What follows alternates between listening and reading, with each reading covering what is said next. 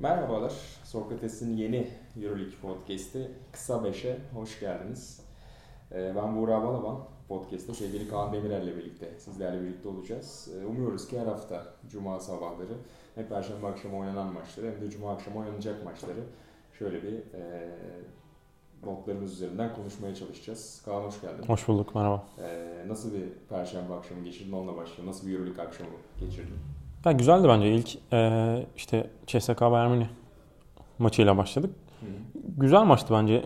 İşte Fenerbahçe'nin Gran Canaria ile ya da Efes'in e, Daçka ile birazcık daha diğerlerine göre hani düşük profil takımlarla oynayacak olması. Özellikle bu hafta Evet. başlayacağımız konuştuğumuzda ikisi biraz tadımızı kaçırmıştı ama e, dün akşam ilginç hikayeler izledik hakikaten. Maçların başlangıç saatiyle istersen vakit kaybetmeden tek tek konuşmaya başlayalım. Senin de dediğin gibi geceyi e, CSKA Bayern maçıyla açtık.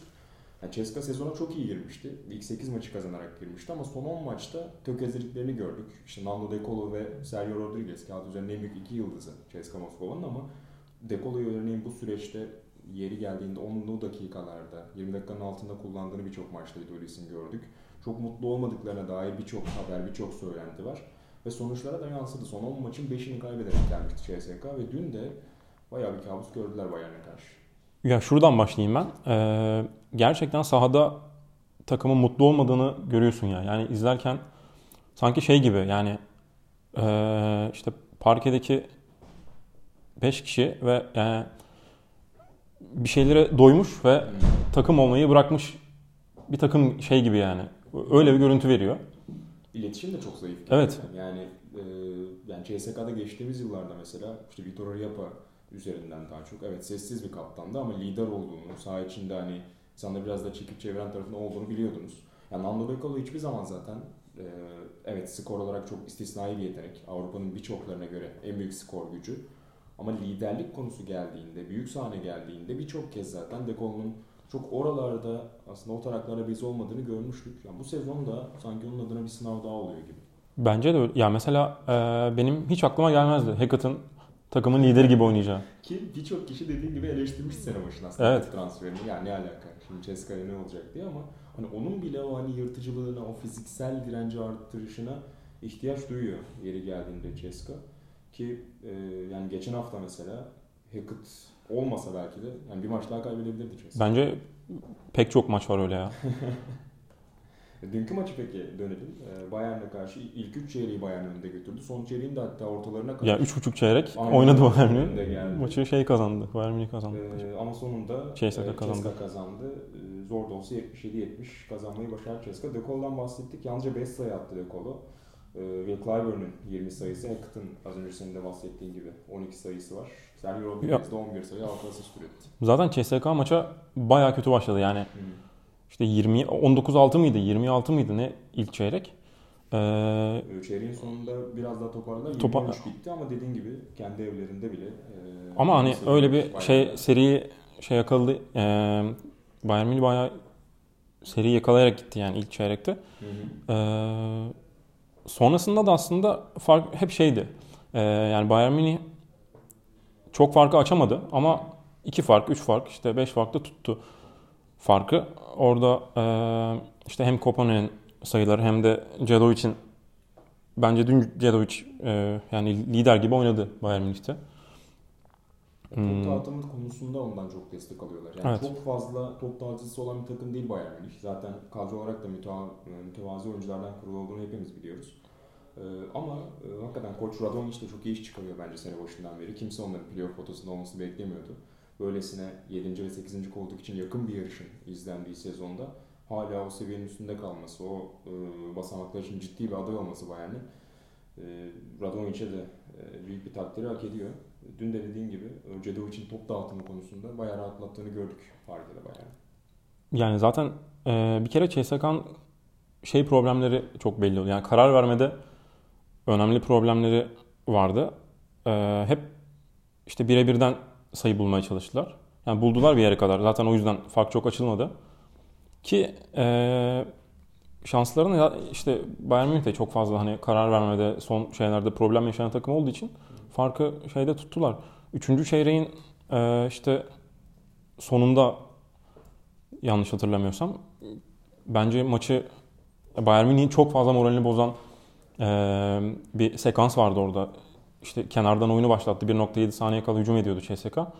E, ben şey zannettim. Dekolo e, topu hani o kullanacak. Bir şekilde potaya gönderip sayı bulmaya çalışacaklar. Öyle olmadı. Ya da foul almaya. E, yani Dekolo kenardan başlattı. Kim atacak hani topu kim şey yapacak diye düşünürken Bolombo'ya geldi. Bayağı uzaklardan bir sayı buldu. Bayağı şey e, morali bozuldu Bayern Münih'in. Yani şans aynen şans topuyla. E, Chelsea adına tabii önemli eskilerden biri de Corey Higgins. Yani sene başından ha. beri az önce bahsettik işte Decolo, Rodriguez aslında beklentilerin bir nebze altında olan iki süper yıldız. Ama Clyburn'le birlikte takımı taşıyan ana unsurlardan biri de hakikaten Corey Higgins bu sezon. Çok iyi bir sezon geçiriyor. Bacağından bir ufak ya da ayağından yanlış hatırlamıyorsam bir sakatlığı var. Ee, oynayamadı o yüzden de. Onun da tabii eksikliğini evet. Ceska Bayern'e karşı. Ama şey e, yani Clyburn'dan de bahsetmek lazım. Dün Hı. acayip oynadı. Bayağı iyi oynadı. Demin de bahsettiğim gibi 20 sayı 8 rebound zaten e, yani bu sezon işte beklentileri aşan Euroleague'de oyunculardan bahsedeceksek muhtemelen Clyburn'u da saymak lazım. E, burada da açıkçası çok iyi bir sezon geçirmişti. Geçen yıl sonrasında e, gitti Ceska'ya. Fena bir sezon geçirmedi ama iniş çıkışlı bir sezondu. Bu yıl ise çok daha parlıyor. Dediğimiz gibi az önce Corey Higgins'le birlikte. E, Clyburn'un performansı. Son çeyrekte peki sence Ceska adına denklemi değiştiren ne oldu? 25-13 çeyrek oynadı Ceska. Dördüncü çeyrekte. Ya aslında e, şey gibi oldu. Klasik CSK maç sonu gibi oldu birazcık. Yani bu sezon için özellikle. E, ya şey Bayern Münih'in şey problemleri çok belli oluyor. Bir de bayağı yoruldu yani şey e, Bayern Münih. O e, çok belirleyici oldu bence. Çünkü son çeyreğe Rodriguez falan çok dinlenik girdi yani. Bayağı çatır çatır oynadı.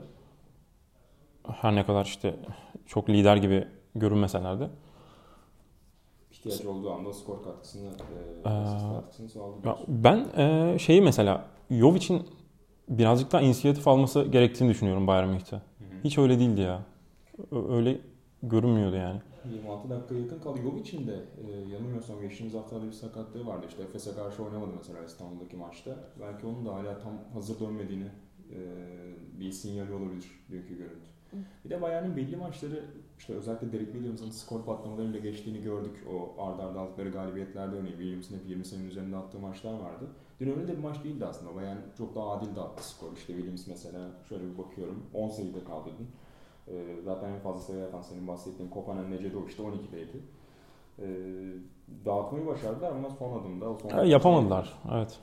Ee, yani biraz sosyal medyada konuşulan hakem konusu da vardı. Ee, yani sezon boyunca aslında gördük birkaç noktada CSKA Moskova yine çıkan kararlar. Aslında hani geçen sezonlarda aslında yeri geldiğinde gördüğüm şeylerdi ama e, yine de son şey ya bence, biraz yetenek farkı da ortaya çıkıyor. Yani, yani hakeme yazılması gereken bir maç değil ya bence. Yani Bayern Münih yani oynayabilseydi son çeyreği kazanabileceği bir maçtı. Her ne kadar deplasmanda da olsa bir yere kadar getirdiler sonuçta maçı. Oradan sonra devam ettiremediler. Son çeyrek. Evet, farkı ortaya çıktı. Ee, başka bir notun var mı bu maçla ilgili yoksa diğer maçlara geçelim mi? Hmm, geçebiliriz bence ya. Ee, Ceska zor da olsa kazandı dedik. 14 galibiyet, 5 mağlubiyet oldular. Onlar da yani geçen haftaki mağlubiyetin ardından Efes ve Oli ile aralarında bir galibiyet kalmıştı ki yani burada da tökezleseler bir anda 3. E, yarışına Efes'te Ceska'yı dahil edeceklerdi. O, özellikle Efes'le Olympiakos'u dahil edeceklerdi. O anlamda da e, bir nefes aldılar hakikaten. Şöyle bir sıralamalara baktığımızda. Günün e, ikinci maçları, onda başlayan iki maç vardı. İstersen e, ilginç hikayeye sahip olanıyla başlayalım. Maccabi Barcelona ile başlayalım. Acayip maçtı. Hakikaten çok garip bir maç oldu. Yani inanılmaz bir ikinci çeyrek oynadı Maccabi. E, işte 34-15 zaten çeyrek skoru. Özellikle kenardan işte Di Bartolomeo'nun gelip yaptığı katkı. Birinci çeyreğin sonunda da aslında Di Bartolomeo'nun olumlu etkisi vardı. Ama ikinci çeyreği de çok iyi oynadı. İşte Wilbeck'in sağ forvetten attığı 2-3'lük var üst üste ki tam Wilbeck'in şutları. Evet. Yani herhangi bir set yok. Bir tek perdeden, birkaç adım geriden el üstü sayabileceğimiz iki tane şut girmeyebiliyor bunlar. Ve hani Wilbeck'in tek başına kendi kullandığı hücumlar bazen takıma ters de tepebiliyor hakikaten. Örneğin mesela o kenardayken Di Bartolomeo çeyreğin sonunda oyundayken çok daha topun aktığı, çok daha topun iyi döndüğü Makabi'de hücumlar izlemiştik mesela. Ama Wilbeck'in de işte bu tür bireysel skor e, patlamaları olabiliyor çok küçük alanlarda, küçük, küçük süre zarfında. Onu gördük mesela ikinci çeyrekte. Arda arda 2 üçlük e, zaten solda attı maç. Salon çok çok iyi bir e, katkı verdi Makabi'nin lehine. Ve Mak- Wilbeck'in o üçlüklerin ardından da acayip bir seri başladı Maccabi adına. İşte bir çeyreğe 34 sayı sığdırdılar. Ve sonrasında da o fark 3. çeyrekte 30'a kadar gitti. Bir de e, Barcelona normalde son maçlarda bayağı bir sayının altında tutuyor rakiplerini. 70'in Evet. falan altında tutuyor. Yani ilk yarıda daha 40 küsur sayı yemek acayip. Hatta e, 57-35 bitti ilk yarı. Yani Ha, doğru, evet. 57 yediler. Hakikaten enteresandı. E, yani Barça galibiyet serisiyle gelmişti buraya. Onların yani çok iyi durumda, en formda takımlardan biri olduğunu söylemiştik. Çok tökezleyerek başlar sezona. Ama son haftalarda hakikaten çok iyi galibiyetler aldılar. Arda arda 5 galibiyetle geldiler ki bu galibiyetler arasında işte Baskonya deplasmanı var. Efes maçı var ki Efes'e karşı geriden gelip kazandılar. Efes müthiş bir ilk yarı oynamıştı. İkinci yarıda onları durdurmayı başardılar. İşte Milano deplasmanı, Panathinaikos maçı hakikaten Barcelona ayağa kalktı e, şeklinde yorumlanmıştı o seri. Ama e, yani dün daha doğrusu dünden önce yani o galibiyet serisi esnasında mesela çok iyi oynayan oyuncu Thomas Hurtel'di. Pota altında Kevin Serafen'in çok verimli olduğunu görmüştük. Ama seninle geçtiğimiz haftalarda da aramızda sohbet ederken şunu konuşuyorduk. Yani zafiyetleri olan bir e, takım. Takım. Yani hem kısalarında hem bir numaralarında hem beş numaralarında ciddi zafiyetleri var. Nedir bu? İşte hem Örtel, e, özellikle Örtel tabii ki, yıllardır bildiğimiz gibi hem Efes'te hem orada. Yani baskıda e, ve karar vermede özellikle o baskı geldiğinde ciddi sorunlar yaşayabiliyor. E, dün mesela Örtel çok fazla ortada yok. Her ne kadar son çekte geri dönüşte biraz kendini hissettirdi ama zaten fark 35'lerin üzerindeydi. evet. Sonrasında o farkın azalması aslında çok çok da fazla bir şey ifade etmedi. İlk yarıda o öyleydi. Pota altında Tomic ve e, Serafen'i elbette deniyor 5 numarada Pesic. Onları da çok iyi e, zaafını kullandı Evet. Maccabi. E, özellikle ikili oyun savunmasında ciddi problemler yaşıyor bu isimler. Ki Serafan Biliyoruz. bayağı formdaydı normalde Aynen şeylerde. öyle. Geçtiğimiz Öyle hafta geldi çok yani. iyiydi. İşte Efes'e karşı o geri dönüşün mesela Aynen. mimarlarından biriydi Serafen. Ama dün onun da savunma zaafını çok iyi kullandılar ve çok fazla parkede kalmasına izin vermediler Serafen'in.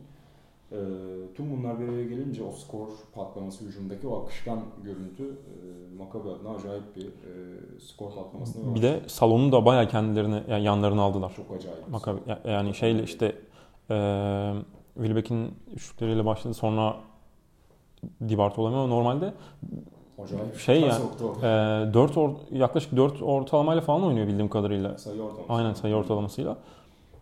Ama işte o biraz Sferopoulos geldikten sonra e, işte İsrail oyuncuları Di Bartolomeo olsun e, içeride Cohen'i kullanıyor yer yer kenardan getirip Zuzman'ı zaten saymak lazım ki Yavel Zuzman için yani e, en iyi genç oyuncu Evet, evet. adaylar arasında da zaten sıklıkla adı geçiyor. Hepsinden de katkı aldı hakikaten. Taraftarlar da bayağı seviyor Osman'ı. Bayağı dün tezahürat yaptılar. e, ev sahibi yeteneklerin aldığı destek başka oluyor İsrail'de şüphesiz. İlginç noktalardan biri bence Sferopoulos yani Barcelona'ya karşı hakikaten rakip çok iyi analiz etmiş. Yani ben en azından öyle düşünüyorum dünkü e, sonuçta. Belki 34 sayı atmak istisnaydı. Bunu planlayarak yapabileceğiniz bir Evet. şey değil. Ama rakibin zaaflarını nasıl kullanabileceğiniz sizin elinize kalmış bir şey. Ve bunu çok iyi yaptı Sferopoulos. Mesela nedir abi? Tam sağ baskı. Yani Pesic ve Barcelona'nın tam sağ baskıda ciddi sorunlar yarattığını rakiplere gördük. E, Hep işte aynı örneği veriyoruz ama Efes maçında da bunun meyvesini çok toplamışlar Evet. o geri dönüşte. Yani dün şöyle bir düşünüyorum. 4-5 tane yalnız pozisyon aklıma geliyor. Tam sahada Barça baskı yapmaya çalışırken işte Zosman'ın mesela Tayze Aliyup pası verdiği pozisyon var. Ee, uzun orta alana koşturup bir anda rakip baskıyı tek pasta geçtiler pota altından ve 2'ye 1 hızlı hücumda bitirdiler. Bunu o kadar fazla yaptılar bayağı. 2'ye 1 bazen bazen 3'e 2 ya da 3'e 3 bile olsa o eksik yakalamanın avantajıyla yani bu kadar rahat geçilmesi tam sağ baskıda Barça'nın hakikaten enteresan geldi bana. Yani buna bir çözüm bulamamaları ve ısrarla bunu denemesi PES için. Ee, orada da Sferipoulos'a ve Maccabi'ye hakkını teslim etmek gerekiyor bence. Yani şeyde e, işte ilk yarı bittiğinde Hı hı. röportajlar yapılırken Tomic'e mi birisine e, şey diye sordum abi neleri değiştirmeniz gerekiyor diye. Yani düşündü her şeyi değiştirmemiz lazım dedi. Yani gerçekten Görmemiştim. Aynen. ee, hakikaten öyleydi. İşte 3. çeyrekte de aslında o Maccabi'nin iyi oyunu devam etti. Sferopoulos vites düşürmemeyi özellikle kenarda sürekli aktif kaldı hakikaten. Ee, sürekli takımına devam etmeni Evet, evet. istedi, devam etmeni istedi. 78-40'a kadar da geldi skor. 3. çeyreğin e, sonuna yaklaşılırken 3.30 kala 38 sayılık bir fark vardı. son çeyrek biraz garip başladı. Aynen öyle. Sonra garip şeyler oldu. Onu da bahsedeceğim ama Maccabi'yle yine birkaç notum daha var. Onları da söyleyeyim.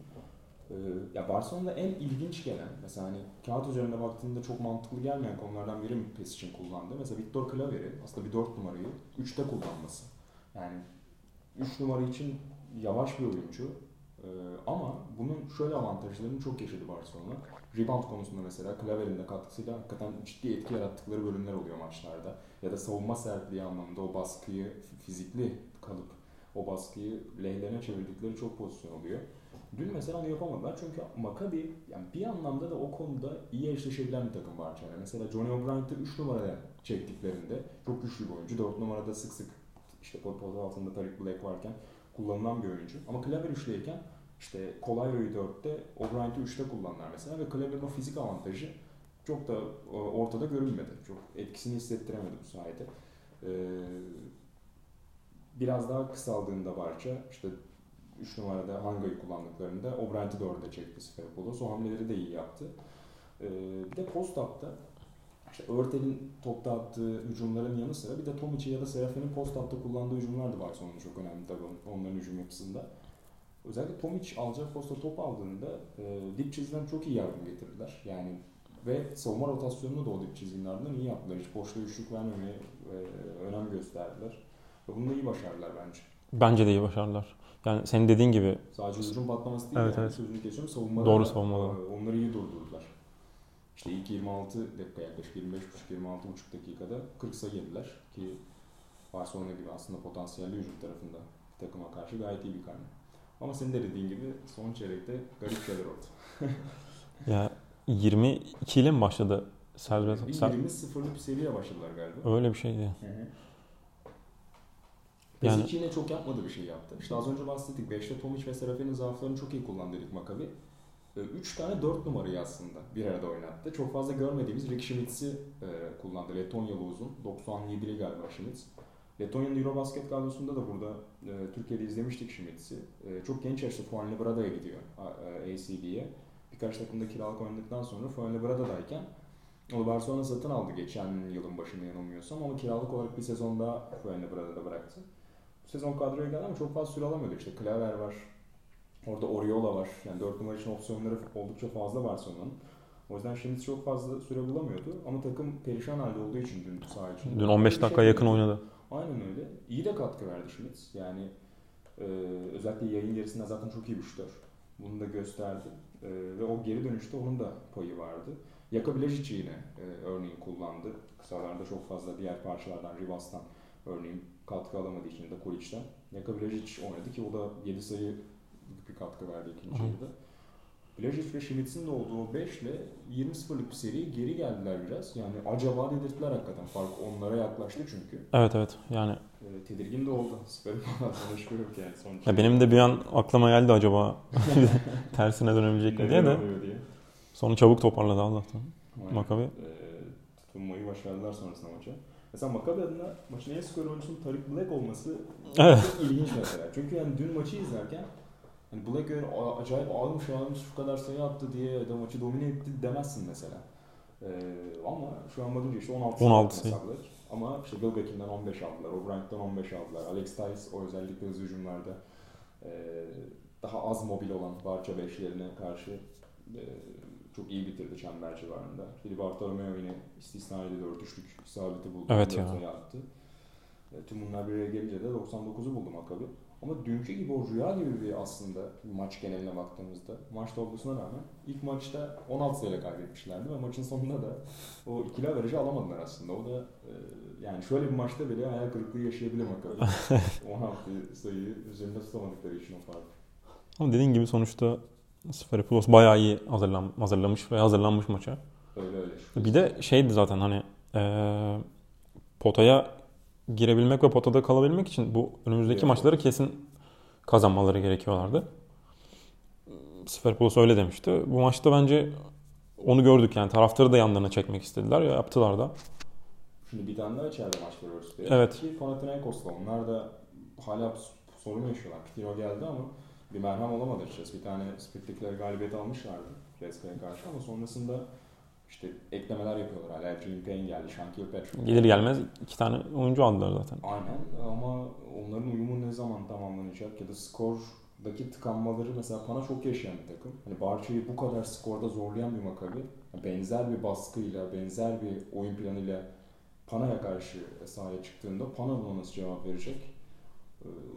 Yani- Ona da yani işleri kolay olmayacak Pana'nın. Aynen. Pitino düşünüyorum. ilk geldiğinde işte konuşmuştuk seninle daha önceden. Nick Galates'in formu mesela birden yükseldi ama ondan sonra hep diğer maçlarda falan çok yukarıda kalmadı. Doğru doğru. Çok zorlanıyordu. Çünkü yani Kalates yayın dışında zaten skor etmekte zorlanan bir oyuncu. Çok iyi bir şutör değil. Bir de etrafında da şut opsiyonu zayıf. Mesela Tanas Antetokounmpo gibi oyuncular kullandığınız zaman sefer Kalates'in şutu riske edildiğinde, diğer oyuncuların şutu riske edilip Kalates'in üzerine baskı geldiğinde işler iyice zorlaşıyor. Evet. Pana için neyse Pana'yı da korsan e, Maccabi Barcelona'ya karşı aldığı galibiyetle bu arada son 5 maçta 4 galibiyet çıkardı. Şimdi onlar da bir anda dediğim gibi playoff yarışında iddialı hale gelebilir Pana'yı da yendiklerinde. Yani alt taraflar çok karışık hakikaten. Yani e, Barça kaybetti ama yine de 6. sırada 11 galibiyetle. 7'de Bayern var 9 galibiyetle. İşte Baskonya bu akşam oynayacak. Baskonya, Milano, Panathinaikos, Maccabi şu an 8'deler. Hemen arkalarında da Žalgiris ve Himki var. Yani çok büyük bir kopma yok aslında. Evet, Aşağısı yani alttaki üçlüyü saymazsak, yani Gran Canaria 6 galibiyet Evet, o- ama onlar biraz e, yağlı zemin kısmında. Yani, yani zemin zemin düzelince ne oldu ortaya çıktı biraz takım. Foyaları ortaya çıktı şey, e, amiyane tabirle. E, ama yani 6 takım şu anda, hatta Bayern'le birlikte 7 takım e, o iki koltuk için adaylar. Hakikaten acayip bir son bizi bekliyor Evet. gibi görünüyor. Sezonun son bölümü yaklaşırken. E, başka bir notun var mı? Oli maçına geçelim mi? Maccabi e, Yani geçebiliriz Barcelona. bence. Ya Barcelona'nın o müthiş formu e, şurada bir sekteye uğradı.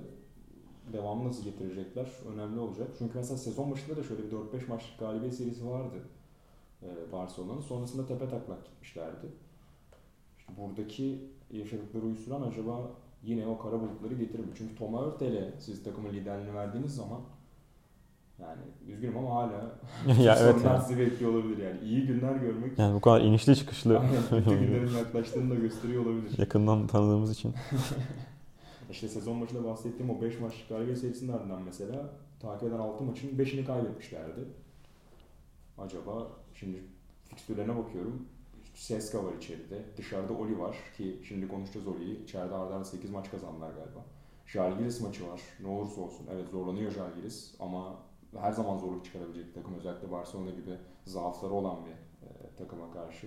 Eskevicius'un takımı. Sonrasında da Baskonya, Real, Efes, Fenerbahçe yani acayip bir fikstüre giriyor Barcelona. Ee, Ya tek tesellileri içeride fazla maç Evet, oynayacaklar. aynen öyle. İçeride oynayacaklar bahsettiğimiz rakiplerin çoğuyla. İşte önümüzdeki 5 maçın mesela e, 4'ü içeride Barcelona adına. O bir avantaj olacak. Evet. Palau, Blaugrana'da seyircileri de arkalarına alırlarsa ama yani arda arda gelecek bir iki mağlubiyet bir anda tüm havayı Barcelona adına değiştirebilir hakikaten ve onları da 7-8 yarışına düşürebilir. Yani şu anda Efes'in aslında peşinde verdiği ilk 4 yarışına girebilir miyiz diye düşünüyorlardı Olympiakos ve Efes'in ardından.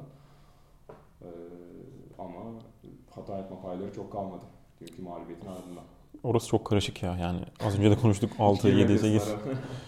Yani mesela Bayern Münih'in orada kalması Herhalde Daha- e, yani hani yabancılar şey diyor ya feel good storyler. Hani böyle iyi hakikaten ya çok güzel diye böyle dışarıdan bakıp hani hakikaten herhangi bir takım taraftar değilseniz mutlu hissedeceğiniz hikayelerden biri olur. Bayan bir şekilde. ya, Şu görüşte eğer kendini playoff'ta tutarsa ama çok kolay görünmüyor. görünmüyor ya. Bir de konuşmuştuk zaten. Çok deplasman maçları var. Aynen. Zor yani. Kolay olmayacak. Peki Olympiakos 22'ye geçelim. Ee, aynı saatteydi bu maçlar o yüzden ben biraz geç saatlerde maçı geri alıp izleyebildim. Çok bakamadım ben Olympiakos'a. Ee, sen o saatleri biraz daha Gran Canaria Fenerbahçe'ye ayırdın. Olympiakos kazandı 71-57. Kendi evindeki o güzel e, basketbolu, iyi basketbol devam ediyor Oli'nin. Ee, e, senin söylemek istediğin bir şeyler var mı yoksa e, Ee, ben mi başlayayım?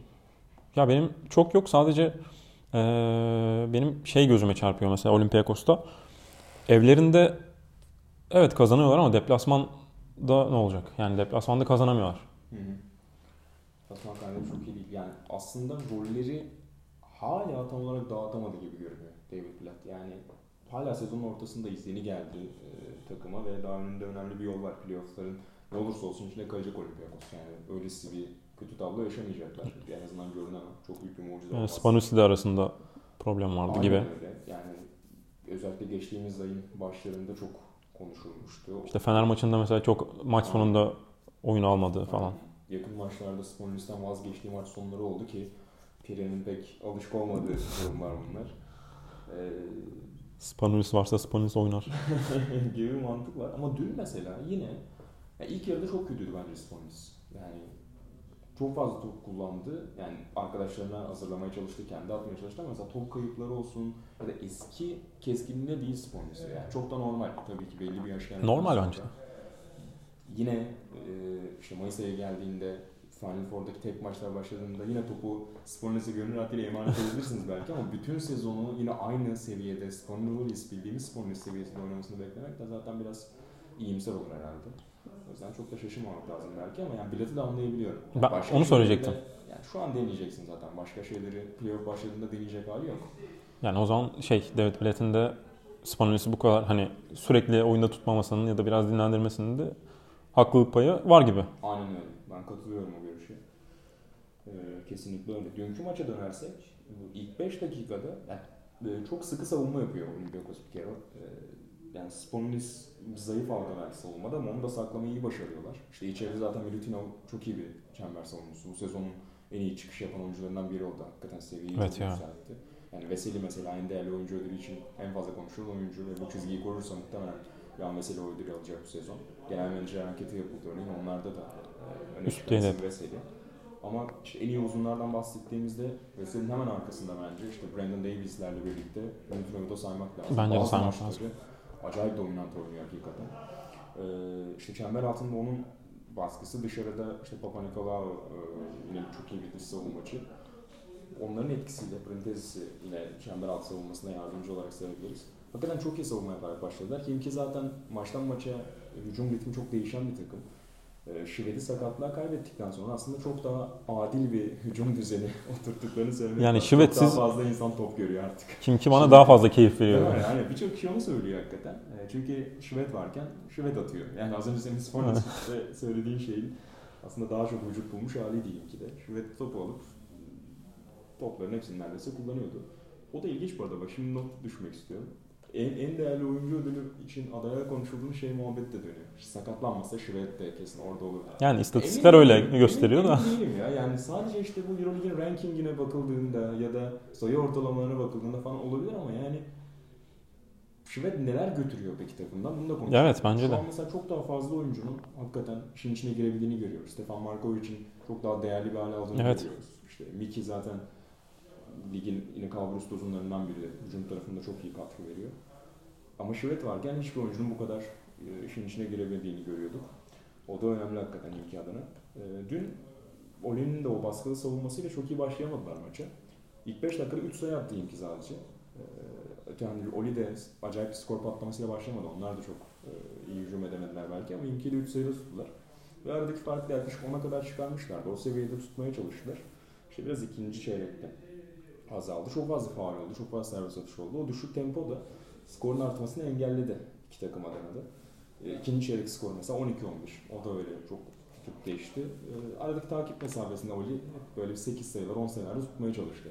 İlk yarının büyük bölümünde. Üçüncü çeyrekte ise ya Papa Nikolaou e, son haftaları zaten çok iyi oynuyor. Yani birkaç zaten Baskonya maçında acayip şut sokmuştu. Uzatmaya götürdü. Aynen. O maçı aldı. Ondan önceki Maçın maçta, geldiği top. Aynen. Ondan önceki maçta yine e, çok çok iyi oynadığı maçlar var son birkaç haftada. Dün de yine 3. çeyreğe damga vurdu Papa Nikolaou. E, Dün 14 sayı 6 reboundla tamamladı. 2 asist e, ekledi bunun yanına. Savunmada yani box score'a baktığınızda top çaldığını göremiyorsunuz belki ama birçok hataya zorladı rakibi o aktif kollarla. Ee, ve günün yine yıldızlarından biriydi bence Oli adına. Zaten parkede en çok tuttuğu oyuncu da Aynen 30 dakika civarı oynamış. Ee, çok fazla oyuncusundan skor alamadı belki de Olympiakos ama 5 farklı oyuncusundan çift tane skor aldı ki 16 dakikada 14 sayıyla Sasha Vezenkov da dünün parlayan oyuncularından bir tanesiydi Oli adına. Üçüncü fark e, çeyrekteki o skor patlamasının ardından yani Hinki'yi 14 sayıda tuttular. E, Oli de orada biraz farkı açtı işte yaklaşık 20'ye çıktı fark. 55-36'ya geldi.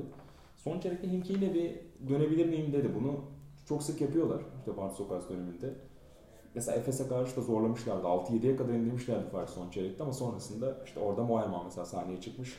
Ee, o farkın kapanmasını engellemişti. Dün de yine Kimki geri dönüşe başladı ama çok geç başladı. Yani 3,5 dakika kala, 2,5 dakika kala farkı şöyle ona doğru çektiler ama o saatten sonra artık kendi evinde Pire'de Oli çok kolay yenilmiyor. Fener maçında da öyleydi mesela. Fenerbahçe hep Doğru söylüyorsun.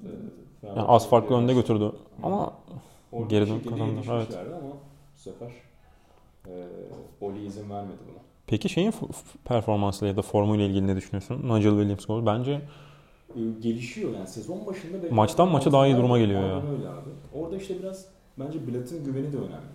Yani Pire'ye geliyorsunuz. Oynadığınız mevki işte Vasilis Sponlis gibi bir Evet. oranın tanrısıyla Evet. benzer bir mevki oynuyorsunuz. İkisi birlikte e, kullanıyor zaten bol bol guard pozisyonunda. Ama çok çalışkan bir adam yani düzgün de bir karakter Evet. gibi görünüyor Nigel Williams-Goss. İşte Twitter'da birçok kez videolarına denk gelmişsindir maç bittikten sonra kalıp çalıştığı videolar. E, O PR videolar denk gelmişsindir. E, ve dediğim gibi gün geçtikçe de rolünü daha iyi bulmaya başlıyor gibi. Belki çok acayip takımın bütün skor yükünü çektiği maçlar sıklıkla izlemiyoruz. Evet. Arada birkaç tane istisna olsa da. E, dün mesela Spanulis'ten fazla oyunda kalmış. 28 dakika. Evet yani Spanulis'i zaten işte süresini biraz kısır tutmaya, az tutmaya çalışıyor Bilat. Hem o savunma zafiyetinden aslında çok fazla canının yanmaması için hem de hakikaten yani hücumda çok iyi bir Spanulis yok. Gerçekten yok. Yani bazen işte o sahana vurup attığı imza üçlüklerini falan görünce insan aa işte Spanulis nasıl oynamaz falan diye düşünebiliyor ama onlar yani sanki her maçın her dakikasında Spanulis parkede olduğunda bunları yapıyor gibi düşünülmesin. Yani e, hakikaten çok iyi durumda değil. Ya Williams Goss için de aslında no- normal sezonda yani playoff öncesinde fırsat Kesinlikle öyle. Kendini de göstermesi için. ihtiyaç duyacak ona. Yani evet 2012'de 2013'te bütün yükü Sponis'e yükleyebiliyordunuz hücumda ama artık o kadar kolay değil. Yani 2019 oldu ve onun destekleyecek birilerine ihtiyacı var. kesinlikle. Bu anlamda da Williams Goss'u kullanması önemli. Mesela dün 3 sayı attı Williams Goss. Hani hücumda ne yaptı diyorsun ama dönüp Evet. baktığında 6 asist yapmış. Evet. O top trafiğine çok daha iyi katkı vermiş. Ve savunmada Spornis'e göre çok daha yine e, güvenebileceğimiz bir oyuncu.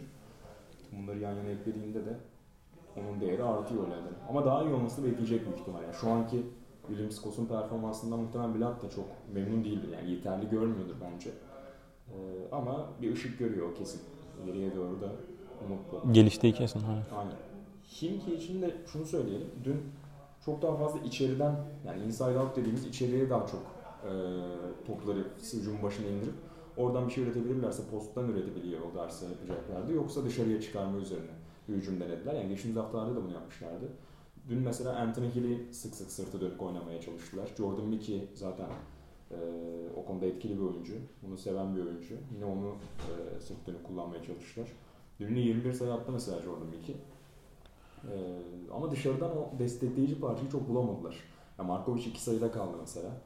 Ee, Jenkins 4 sayıda kaldı. D-Bost 25 dakika oynayıp 3 sayı atabildi. E, tüm bunlar bir araya gelince de hani. Oli deplasmanında galibiyet şansınız çok fazla olmuyor. Ee, başka bir şey var mı senin? Hmm, Yoksa düşünüyorum. Günün son maçına doğru geçebiliriz. Gran Canaria Fenerbahçe. Günün son Geçebiliriz. Cuma günü ilk maçı diye de Evet. söyleyebiliriz hakikaten çok geç başlamıştı mücadele. Ee, Gran Canaria deplasmanı e, biraz podcast'ın başında söyledik galiba. Zemin çok baş ağrıttı sezon başında ama zemin değiştikten sonra e, biraz daha rahat görünüyor. Her ne kadar Evet. tabii oraya ulaşmak, yolculuk çok zorlu ama okuduğum kadarıyla Fenerbahçe özel Erken gitmiş yani. Charter'la gitmiş, erken gitmiş ve direkt uçuş yapmış. Normalde tarifeli bir uçuş yok bildiğim kadarıyla İstanbul'dan. Önce Madrid'e gidiyorsunuz oradan bir 2-3 saat daha uçuş var çünkü işte birçok insanın bildiği gibi Kanarya Adaları aslında Kuzey Afrika'nın batısında kalan bir yer ve hakikaten çok uzak. İspanya'nın işte merkezinden bile 3 saatle gidebiliyorsunuz. Ee, tüm bunlar yorucu olabiliyor ama Fenerbahçe bunun önlemlerini zaten almıştı e, öncesinde. Gerek özel uçuş gerek dediğin gibi biraz daha erken oraya ulaşmayla birlikte.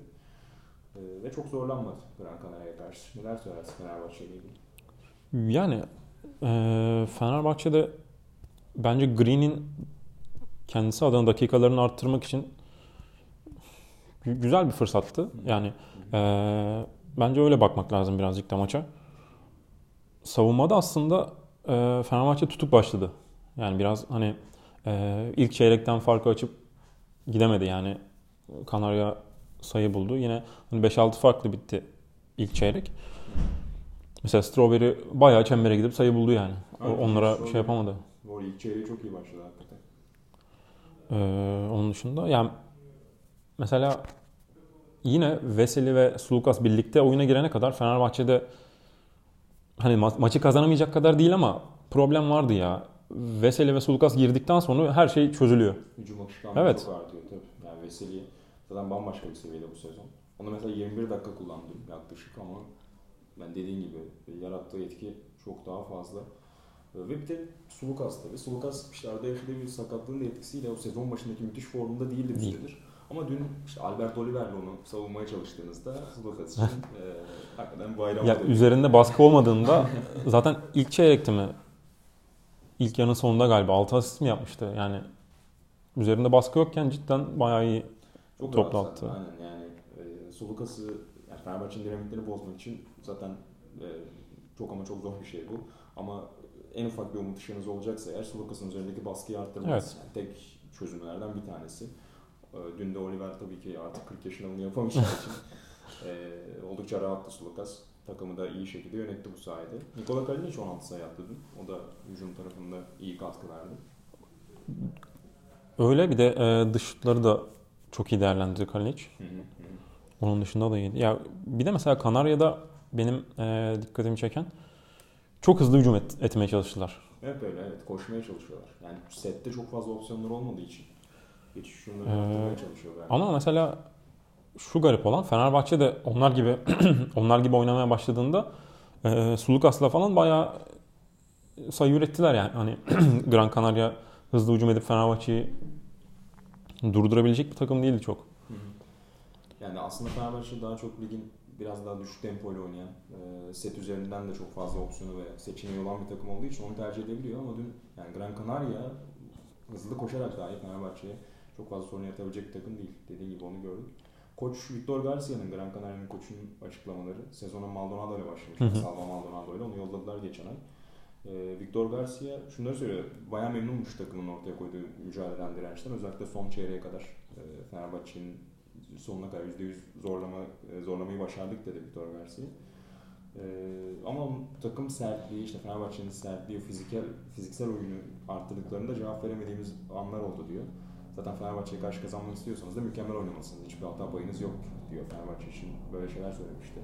Ya zaten son çeyreğe girildiğinde fark çok fazla değildi. Yani Evet, üçün- evet. üçüncü çeyrekte şeyi kapattı. Ama bunu sık sık görüyoruz Fenerbahçe'de. Evet. Yani Himki maçı bir istisna oldu belki. İşte uzatmada kaybeden maç ama onun dışında zaten birçok maçta hani tırnak içinde dedim yani böyle tıngır mıngır Fenerbahçe götürüyor maçı ve son çeyrekte o vuruş darbeyi bir yerde indiriyor. Yani bu da zaten alışkanlığın birlikte oynamanın getirdiği, o sisteme güvenin getirdiği bir durum aslına bakarsan. Dün de yine yani mesela dediğim gibi ilk yarıda fark açılmadı Fenerbahçe'de yine. Ama şunu görüyorsun yani Gran Canaria'nın bir tehdit yaratamayacağını. Evet, evet. Ya o çok belli. Çok belli. Yani işler sıkıştığında o çözüm bulacağını Fenerbahçe'nin görmek zor değil. Sadece üçüncü çeyrekte şeydi işte e, dış atıcıyı bulamayınca Fenerbahçe Hı. Gran Canaria öne şey e, farkı kapatıyor gibi oldu ama son çeyrekte Bobby Dixon bu sefer sahneye çıktı. O, mesela onun üzerinde de hiç baskı yokken bayağı rahat attı yani Ki dış şutları. Atma konusunda çok sorun yaşayan bir oyuncu değil mi ee, Bobby Dixon? Yine 14 dakikada 10 sayı üretti. Ee, dediğim gibi orada rahatlattı. Victor Garcia'nın o fiziksel duruma cevap veremedik e, açıklamasında şeyi de söyleyebiliriz. Belki Andrei Balvin uzunları e, yoktu, sakattı. Onun önümüzdeki hafta dönmesini umuyoruz demişti. Ya Balvin de çok fazla zaafı olan, çok yavaş savunmada problem yaratabilen ikili oyunlarda bir oyuncu ama ne olursa olsun Fenerbahçe'nin özellikle 4-5'teki o fiziksel sertliğine bir nebze cevap verebilecek bir oyuncuydu. E, o da yokken Gran Canaria çok zorlandı o sertlikte. E, bir de ilk yarıda ilginç noktadan biri de Yan Veseli'nin son saniyede bulduğu Evet ya. üçlüydü. Tekrar tekrar izlenecek herhalde o üçlü.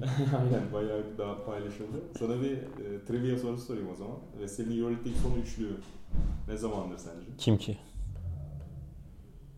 Sezon. Kim ki maçı? Sezon 2016, 2015-2016. Aa, Kim ki- Çalışırsın kim ki deplasman. Helal olsun. E, 2013-2016'da atmıştı Veseli. E, yayında da söylendi herhalde. Ben dinlemedim. Yayın- açıp baktım ama bu e, Yayında söylendi. Çoktan almış zaten Türk halkı. Özür diliyorum. E, Euroleague takipçilerinden. Aslında ya Partizan'dayken Veseli şu tehdidi de yani çok fazla büyük hacimde kullanmasa da yüzde olarak fena değildi işte. Son iki sezonda mesela yüzde 40 ve yüzde 36 ile üçlük atmış. NBA'ye giderken de o umutları taşıyordu ama NBA'de hiç öyle bir talepte bulunmadığı için yani meseleden. Şu an şu anki NBA'yi düşününce hakikaten garip geliyor bu arada. Veseli'ye ya da artık Herozon'a, Dead, Dwayne Dedman'a bile. Fenerbahçe'den önce Veseli 4 numara da 4 numara oynuyordu galiba değil mi? Evet, Belki onun onun da Wizards'da 4 oynuyordu. Ee, onun payı var. Evet yani Partizan'da ya maç başına bir küsur ya da maç başına en fazla iki attığı, iki üçlük denediği maç sezonlar var. Ee, Son iki sezonda %40 ve %36 aslında ama sonrasında hiç kullanmamıştı. Hatta yanılmıyorsam Uğur Ozan e, Veseli röportajında e, ya da orada da üç röportajında mıydı? Dergimizde yayınlanan bir Fenerbahçe röportajında onu sormuştu. Veseli, e, yanılmıyorsam Veseli'ye sormuştu. E, böyle bir şey, yani sıradaki adım bu olabilir mi gibilerinden. E, dün tabii öyle bir sistem içi atılan falan bir üçlük değildi o. E, sadece sürede olduğu için, önüne patladığı için Evet. Ama Boş kalınıyor bir de. Yani o ihtimal düşünmek korkutucu hakikaten. Yani Veseli yayın gerisinde bir oyun oynamıyorken hücumda böylesine etkiliyken yani minicik dahi olsa bir te- şut tehdidi yaratması yani bu seviyelerin çok çok Evet. gerisinde olur herhalde. Ekiplere korku salma anlamında. Peki e, son soruda Lovern'i sorayım sana. E, yani tam olarak Joffrey Lovern hala sanki o Fenerbahçe'de o sisteme oturabilmiş değil. Yani ne düşünüyorsunuz? Sence eksikler ne şu anda Lovern tarafında? Ya ben sana katılıyorum. Öyle görünüyor ama o kadar eee, hiç uymuyor diyecek kadar da kötü kötü bir durum yok bence. Ya bir de mesela eee, çok konuşuluyor gerçi de gelip Fenerbahçe'ye hemen uyum sağlamak çok zor bir şey bence ya. Evet. Yani İşte Veseli'den bahsettik. Datome, Kalinic, işte Bobby'yi sayabiliriz. Costa'yı sayabiliriz. Yani yaklaşık birçoğu 4 sezon, e, birkaçı 3 sezon bu seviyeye, Final Four yolculuğuna alışmış. Yani tırnak içinde sok, en çok kullanılan tabir makine herhalde Fenerbahçe için bu sezon. Hakikaten de öyle bir makinenin içine girmek gerçekten kolay olmayabiliyor. Ki kendisi de itiraf etti seviyeye Evet. falan hatırlamakta zorlandığını. Takım arkadaşları sık sık zaten şuraya şuraya yönlendiriyorlar bence. dikkat ediyorum ben. Ya, Ya o zaman seti. bir de Veseli de ilk geldiğinde tabii ki böyle değildi yani. Çok hani bayağı gelişti ama şey falan mesela çok hemen foul yapıp 5 faulle çıktığı çok maç vardı Veseli'nin Evet, de. Doğru, doğru. Ee, Zamanla o eksikleri gidiyor, gideriyorlar. Ee, Lovren de yani Lovren'in benim gördüğüm şu ana kadar en ciddi e, birkaç zaafı yani savunmada problem oluşturabiliyor. Yani özellikle o adam değişimlerinde ciddi problem yaşıyor. Kısa üzerinden çok süratle geçip basketleri bulabiliyor. Bir o problem var. İkincisi de mesela bu sene Veseli en ciddi şekilde gelişim kaydettiği nokta serbest atışları. Seninle geçen konuşmuştuk. Evet. Ama ikinci nokta da postta top dağıtımı. Yani eskiden çok daha hani çemberi düşünen ya da faul almayı düşünen ya da yakındaki arkadaşına pas düşünen bir oyuncuyken mesela artık arka Görüşünü bayağı uzak- geliştirdi. Aynen uzak taraftaki dip köşeyi de köşe üçünü de arayabilen bir oyuncu haline geldi. Ve Fenerbahçe hücumunu çok esnetiyor, çok rahatlatıyor durum. Mesela Lovern'de aslında fena elleri yoktur Lovern'in. Yani bunu bekleyebilirsiniz hakikaten. Ama dün de mesela ilk yarıda ikili sıkıştırmalar geldiğinde çok zorlandığı anlar oldu Lovern'in. O pas dağıtımını hala çok iyi yapamıyor. Ya belki playoff yaklaştığında, Final Four yaklaştığında daha iyi bir durumda göreceğiz. Ee, Lovern'in o kararlarında. Ama Dünden- en iyi seviyede değil onu söylemek. Ya dünden birkaç pozisyon hatırlıyorum ben de. Hani e, ikili sıkıştırma geldiğinde Veseli mesela işte ya köşeyi bir yeri görüyor. iyi çıkartıyor ama Löwen orada ez, yani top ezildi gitti. Top kaybıyla sonuçlandı. Onları görüyoruz ama dediğin gibi bence geliş gelişecek. Bir de şeyi de okuyoruz yani hani çalışıyor, çalışıyor, seviyor Türkiye'de burada oynamayı falan da. O yüzden gelişecek diye düşünüyorum ben. Yani daha iyi olacak diye. Beklentiler o yönde. Ee, ki zaten yani Fenerbahçe için herhangi bir problem, herhangi bir sorun da yok Evet. sezonda. 17 galibiyet, 2 mağlubiyetle devam ediyorlar. İşte en yakın rakibi Real Madrid'in galib bir galibiyet farklı önde. Real bu akşam tekrar oynayacak. Eğer kazanırlarsa farklı bir galibiyette kalacak. Ee, herhangi bir problem yok yine. Zaman bu sezonun çok büyük bir bölümünde. Şeyle ilgili ne düşünüyorsun? Eric Green'le ilgili. Ya mesela Lovren için dedin ya çalışıyor, çabalıyor Hı hı. ve burada olduğundan mutlu diye. Eric Ee, Green'i göremiyor musun? Görememek hani burayı sevmiyor, burada kalmak istemiyor demiyorum. Ee, onun bir de sezon ortasında geldi. Hani sezon başında kaçırdı. O daha da zor.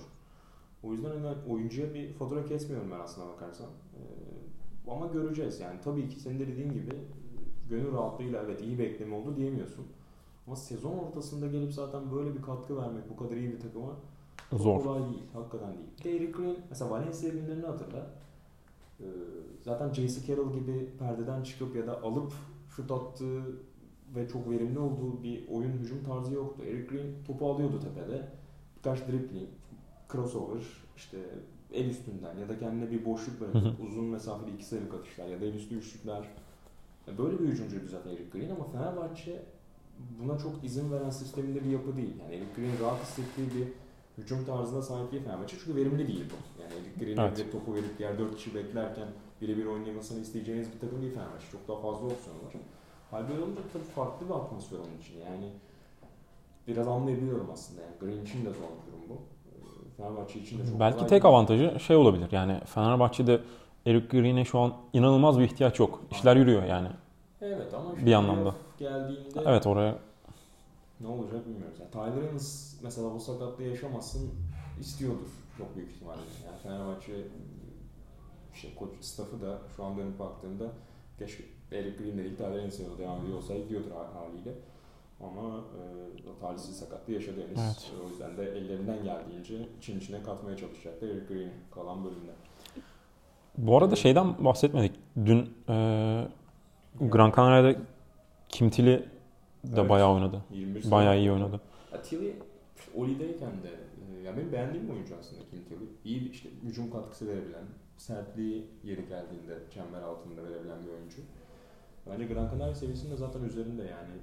Evet ya çok İyi belli bir- oluyor. Aynen yani iyi bir contender'da bence üçüncü uzun hani kenardan getirebileceğiniz bir uzun olabilir Kim Tilly. Dediğim gibi yani bu seviye için zaten Gran Canaria için fazlasıyla iyi bir oyuncu. O yüzden e, hakkını vermek lazım. Ya dün işte Baldwin de yokken daha fazla süre buldu zaten. E, Onu da iyi kullandı hakikaten. Çok da yüzdeli attı bu arada yani işte. 21 sayı- evet. 5'te 4 2 falan. 21 sayı attı. Bayağı verimliydi. Onu bol bol göreceğiz yani birlikte. Evet. görünüyor. O lig dışında kalmaz yani. Peki e, yaklaşık bir 45 dakikayı bulduk. Bu akşamki maçları da kısaca neler beklediğimizi konuşalım. E, bir ikişer üçer dakika. Sonra da yavaş yavaş kapatırız senin başka notun yoksa.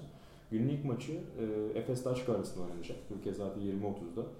Efes şöyle bir tö- tökezlemişti ilk yarı fikstürünün son bölümünde. Çok zorlu bir fikstürle boğuşmak zorunda kalmıştı Efes. E, orada kaybettiği maçlar geldi ama özellikle Žalgiris deplasmanında beklentinin çok uzun ötesinde bir galibiyet aldı. Hiç yaklaştırmadı. Yani orada Efes'e galibiyet yazan herhalde az insan vardır. Evet. Ya gerçi YouTube kanalımızda Alen Digbe yazmıştı. Ama hakkını teslim edelim şimdi. Ee, o kazanacağını düşünüyordu hakikaten Efes'in. Ama ben mesela dediğin gibi çok şüpheyle bakıyordum. Çünkü ilk yarıda burada kaybettiği maçı işte Efes'in izlemiştim salonda ve yani Žalgiris gibi evet hücumda çok ciddi problemler yaşıyor Žalgiris bu sene. Ama şunu biliyorsunuz yani çok iyi bir koça sahip. Sizin eksiklerinizi, Evet. zaaflarınızı kullanmak üzere her saniye, her dakikayı çabalayacak bir takım Žalgiris. Ya burada bir de çok rahat hakikaten kazanmışlardı. 93 sayı atmışlardı. Evet çok eskiydi. Efes için sezonda ikinci maçıydı Euroleague'de ve parçalar hala yerinde değildi. Efes'in en iyisini zaten sonra görmüştük. Ama yine de Žalgiris'in bir problem yaratabileceğini ben düşünüyordum. Hiç e, oyuna sokmadı rakibi Efes. Üstelik kilo verici de aldılar. Sonrasında Yimki'yi bahsettik. Son çeyrekte acaba dedik ki ama orada da yine bir 7-8 sayıdan itibaren takip mesafesini korudu Efes. Yine son 3 maçını kazanarak bu maça geliyor ve tabii ki Darüşşafaka karşısında da çok büyük favori. İşin ilginci lig maçında çok zorlanmıştı Efes. yani tabii çok başka bir Evet. yabancılar yokken Efes'in çok daha dar rotasyonunda problem yaşayabileceği bir takımda açık. Ee, yani Selçuk Emrak'la biraz kıpırdanmaya çalışıyordu açık ama yani kadro kalitesi olarak çok düşük Euroleague seviyesinde. O yüzden çok da e, kınamamak lazım herhalde Darüşşafaka'yı. Yani kalite farkı bayağı belli oluyor ya. Aynen öyle. Yani hal böyleyken de yani işte bu Buduşnos'u çok zorladılar mesela. Ee, biraz da şans basketiyle aslında. Geçen hafta kaybetmişlerdi. Norris Cole'dan böyle el üstünden çok da hani sete uygun olmayan bir hücum gelmişti aslında. Ee, o basketle kaybettiler açık ama yine de yani Efes kendi evinde elbette bir tökezleme yaşamak istemeyecek. Şüphe Başkanın yok. Olympiakos Net de bir favori. galibiyeti onlara yetti galiba. Tüm sezon için. çok acayip değil mi? Ee, David Blatt eski takımına karşı burada kaybetmişti. Ee, Efes net favori onun için Evet. söylemek istediğim bir şey var mıdır son dönemdeki Efes'le ilgili ya da Daçka ile ilgili? Ee, Yani yok ama ben Efes'i izlemekten büyük keyif alıyorum ya bu sene. Ama, Onu söylemek isterim. e, hakikaten öyle ya. İyi iş çıkarıyor Ergin Ataman. E, çok yeni bir kadro. Bunu mesela geçen hafta ki maçtan sonra yani içerideki son maçtan sonra bile söyledi. Biz yani yeni bir takımız. Bunu hala hissediyoruz dedi. Hala saha içinde e, hangi beşleri bir arada kullanacağımızı, hangi oyuncuların süresini ayıracağımızı hala ye- yeni yeni e, deniyoruz. Hala deneme sürecindeyiz diyor Ergin Ataman. Çok da haklı. Çok büyük bir Evet. isim değişti takımı. E, bu süreci bir de kazanarak geçirmek hakikaten önemliydi Efes için ve şu anda dördüncülük içinde Oli ile birlikte en büyük aday. Bu seviyede kalmalarını herhalde kimse beklemiyordu. Mesela Milano da sezona çok iyi girmişti.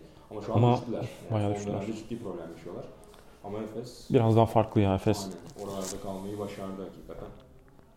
Şu ana kadar da görüntü iyi.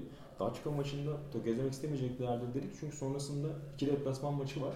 Biri Real, ötekisi Panathinaikos. Ne olursa olsun Panathinaikos. Tabii. Yani evet bunda sınırlı olabilirler ama o atletik baskılı savunma, Pitino'nun özellikle kullanmak istediği dün Yaskevicius da galiba e, bahsetmiş. Pitino ile birlikte değişen şeylerin başında o baskıları savunmadaki geliyor demiş. E, yani su zorlayabilir. E, O yüzden de Daşka'ya karşısında kazanıp biraz daha o iki maçtan en azından birini kaybetsem bile yoluma rahat devam edebilirim. E, avantajını almak isteyecek Efes. E, Buduşnos Real günün ikinci maçı. Buduşnos yani 3 ekleme yaptı. İşte Vitadze, Kol eklemelerini yaptı. Koçu değiştirdi. Ki Džikic yani hani az önce Daşka için de mesela kadro kalitesi. Hı hı. ya Buduşnos da zaten Daşka Evet. en düşük hani kadro kalitesine sahip Takım. takımdı. Yani Džikic daha ne yapabilirdi? Çok bilmiyorum açıkçası. Yani neyi beğenilmeyip Gö- gönderildi. Hakikaten bilmiyorum. Garip. Ee, ben şeyi de anlamıyorum bu arada ya. Yani mesela sezonun ilk 10-12 maçı ciddi bir problem yaşadı ve playoff'a olamayacağı garanti. Yani sezon içinde bu kadar para harcayıp transfer yapıp hani Euroleague'de yani ne, zaten bir yükselişe geçiyor. Yani playoff yapamayacaksın. Anladın mı?